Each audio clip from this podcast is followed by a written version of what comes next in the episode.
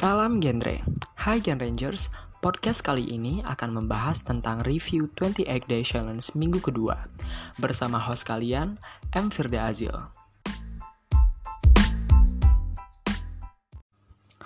Hai, welcome to Genre Podcast, podcast yang remaja genre.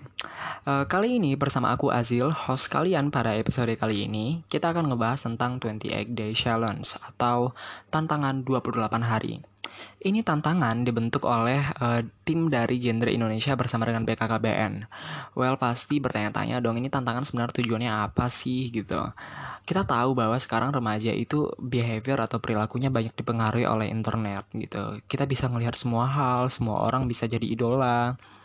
Maka adanya 28 Day Challenge ini untuk ngerimain kita lagi kayak behavior remaja itu gimana sih gitu. Perilaku remaja yang cerdas ceria itu gimana sih sesuai dengan tagline-nya genre kan, cerdas sehat ceria. Oh, ketinggalan sehat tadi.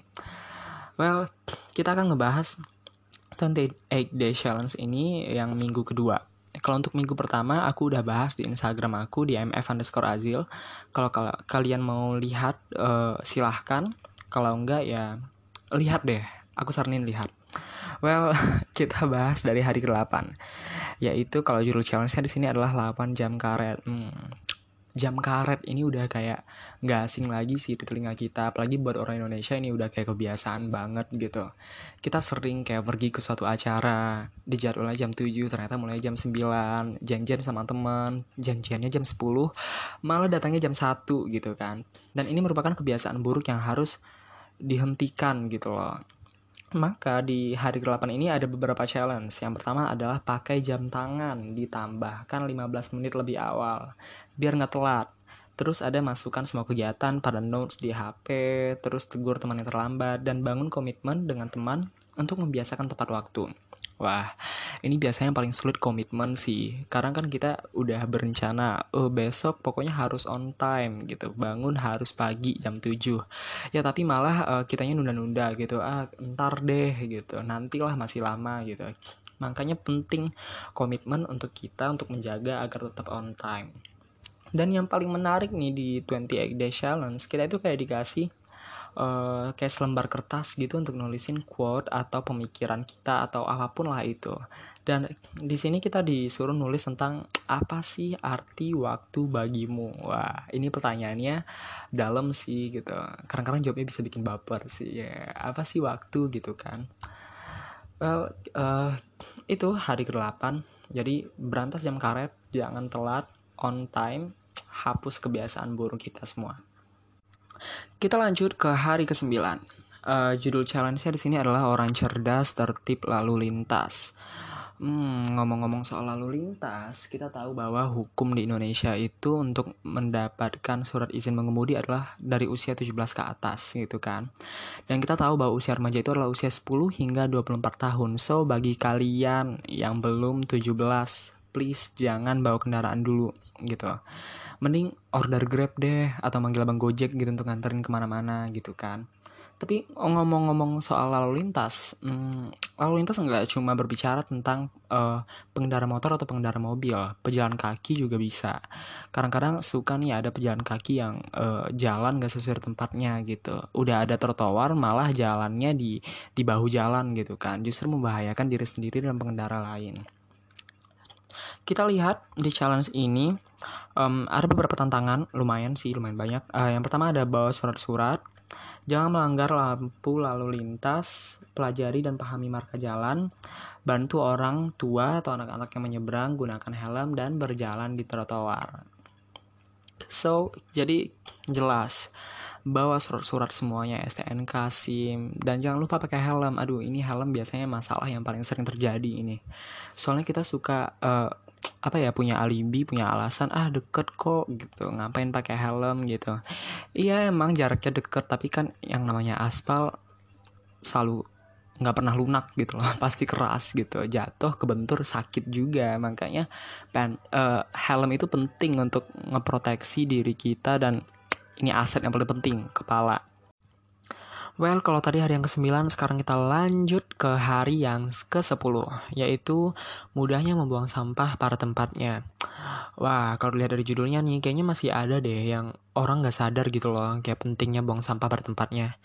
Tapi kalau dilihat-lihat sekarang, kayaknya orang-orang Indonesia udah mulai aware gitu terhadap lingkungan.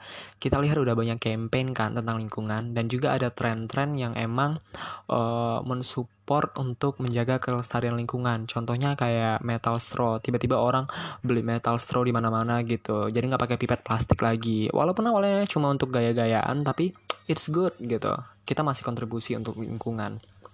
Well, di tantangan kali ini um, ada beberapa tantangan, yaitu kita harus membuang sampah pada tempatnya, menegur orang yang nggak buang sampah pada tempatnya, dan mengambil sampah yang tidak pada tempatnya.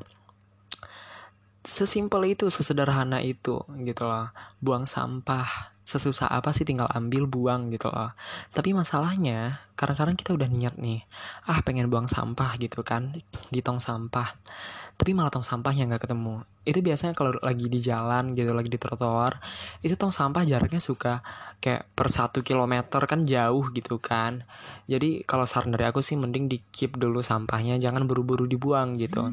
Ntar kalau udah ketemu tempat sampah baru dibuang namun nih ada yang paling uh, apa ya behavior yang paling membahayakan itu menurut aku adalah buang sampah dari kendaraan aduh bayangin deh ketika kalian buang sampah nih dari mobil itu dampaknya nggak cuma ngotorin jalan, ngotorin lingkungan, tapi juga berdampak pada keselamatan pengendara lain gitu loh. Dan itu bisa mengganggu konsentrasi pengendara lain.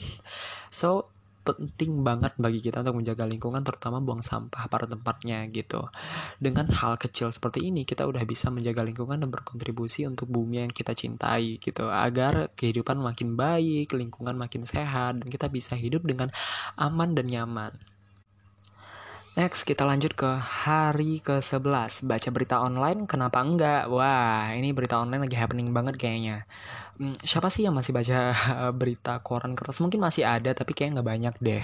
Kayaknya udah pada beralih ke uh, bacaan-bacaan online gitu dan ini sebenarnya relate banget sih ke aku. Soalnya aku kan mahasiswa jurnalistik kan dan bahasannya emang tentang kayak bacaan-bacaan menulis gitu. Dan platform-platform online justru sekarang jadi ladangnya bagi-bagi para jurnalis untuk berkarya gitu loh.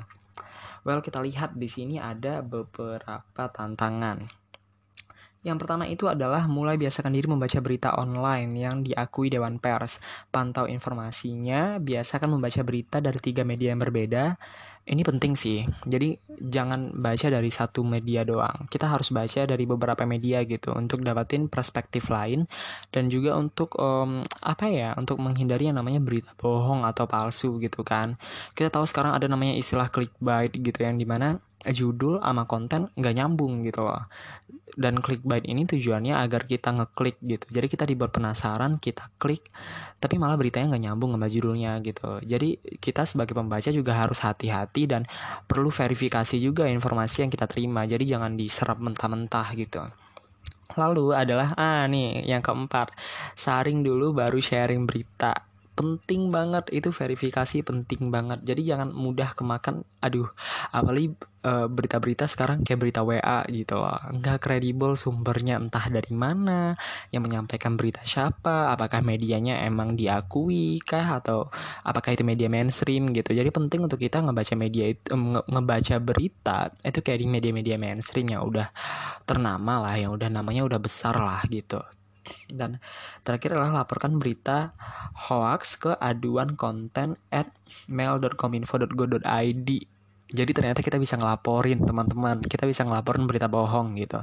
Jadi kalau teman-teman yang nemuin nih berita bohong misalnya kayak apa ya contohnya berita bohong ya misalnya uh, apa deh gitu. Jadi teman-teman bisa laporin nih ke emailnya aku ulangin lagi konten at mail.kominfo.go.id Wah, so di tantangan kali ini, ini ada juga kita dikasih notes nih, kita disuruh untuk portal berita apa aja yang paling kamu sukai dan mengapa kamu menyukainya.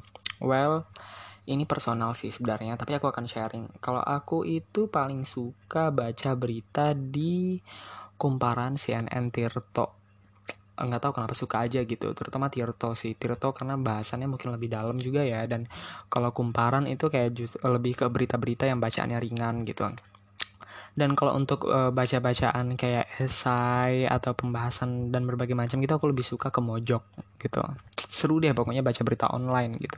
Apa sih yang nggak bisa diakses di dunia teknologi semuanya udah kita bisa akses. So tantangan kali ini ngajak kita untuk nambah peng, apa ya literasi kita lagi gitu untuk kayak menyulut kembali semangat kita untuk membaca. Semuanya ada di, ada di genggaman kita teman-teman gitu. Kita punya handphone semuanya udah ada gitu. Jadi manfaatkanlah teknologi tersebut Well, di tantangan uh, hari ke-12 itu adalah berserkah dan membantu yang lemah. Um, jadi pada tantangan ini kita itu ditantang untuk um, apa saling membantu gitu antar sesama manusia. Well, di sini tantangannya adalah mengajak satu orang kaum papa untuk makan bersama. Kalau kalian nggak tahu apa itu kaum papa, kaum papa itu bisa dikatakan sebagai orang yang um, kurang beruntung lah, yang memang sepatutnya menjadi perhatian kita untuk kita bantu gitu. Lalu mendengarkan kisah dari kaum papa, memberikan hadiah kepada satu anak jalanan, membeli dagangan para lansia yang masih mencari nafkah. Well, ini challenge yang uh, apa ya, yang memang paling bermakna mungkin gitu loh bagi aku. Soalnya karena hal ini kadang-kadang yang uh, suka kita abaikan tetapi ini merupakan hal yang penting gitu membantu sesama. Contohnya kayak uh, kita masih lihat banyak banget uh, uh, lansia yang masih jualan di usia senjanya gitu. Padahal itu adalah waktunya mereka untuk beristirahat untuk menikmati hidup. Oleh karena itu penting bagi kita dan ini dan hal ini menjadi tanggung jawab sosial kita semua gitu untuk saling membantu untuk membeli dagangan mereka memberi santunan.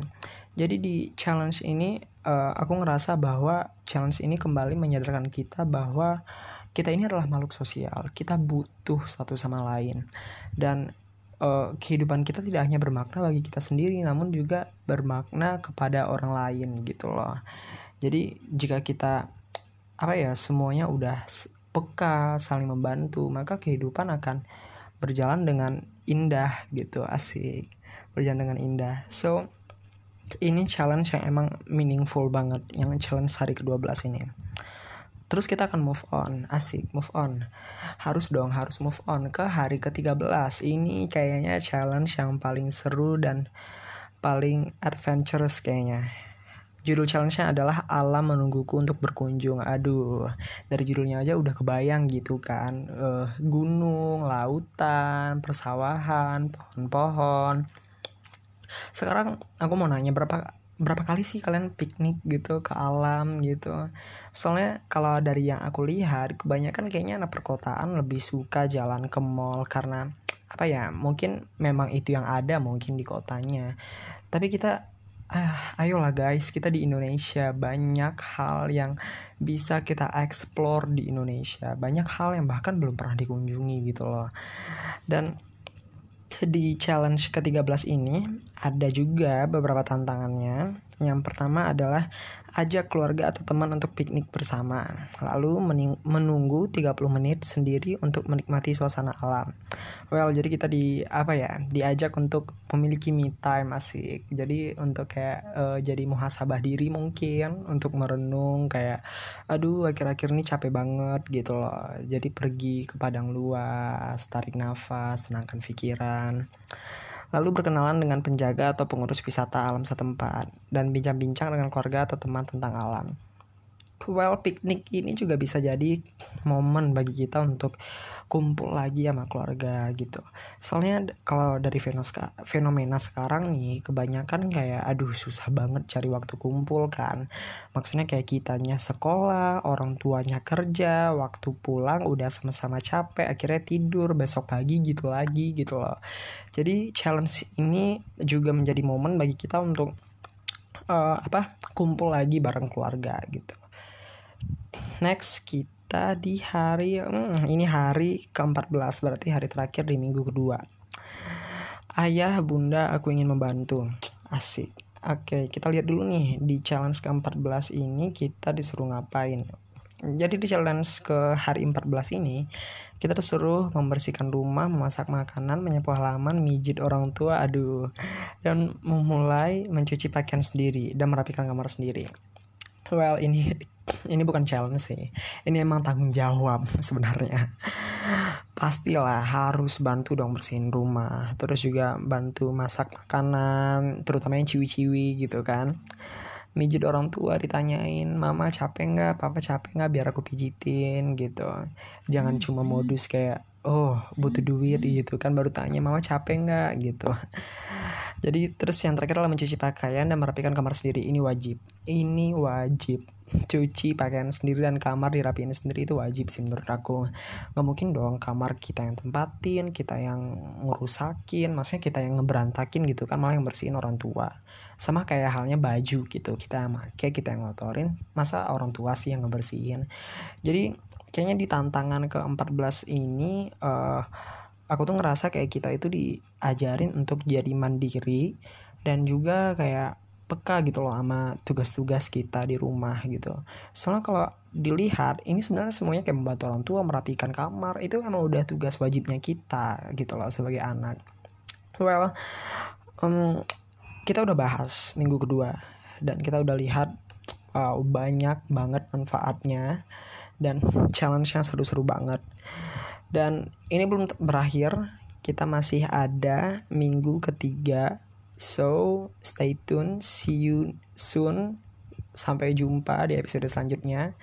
And keep listening to Genre Podcast.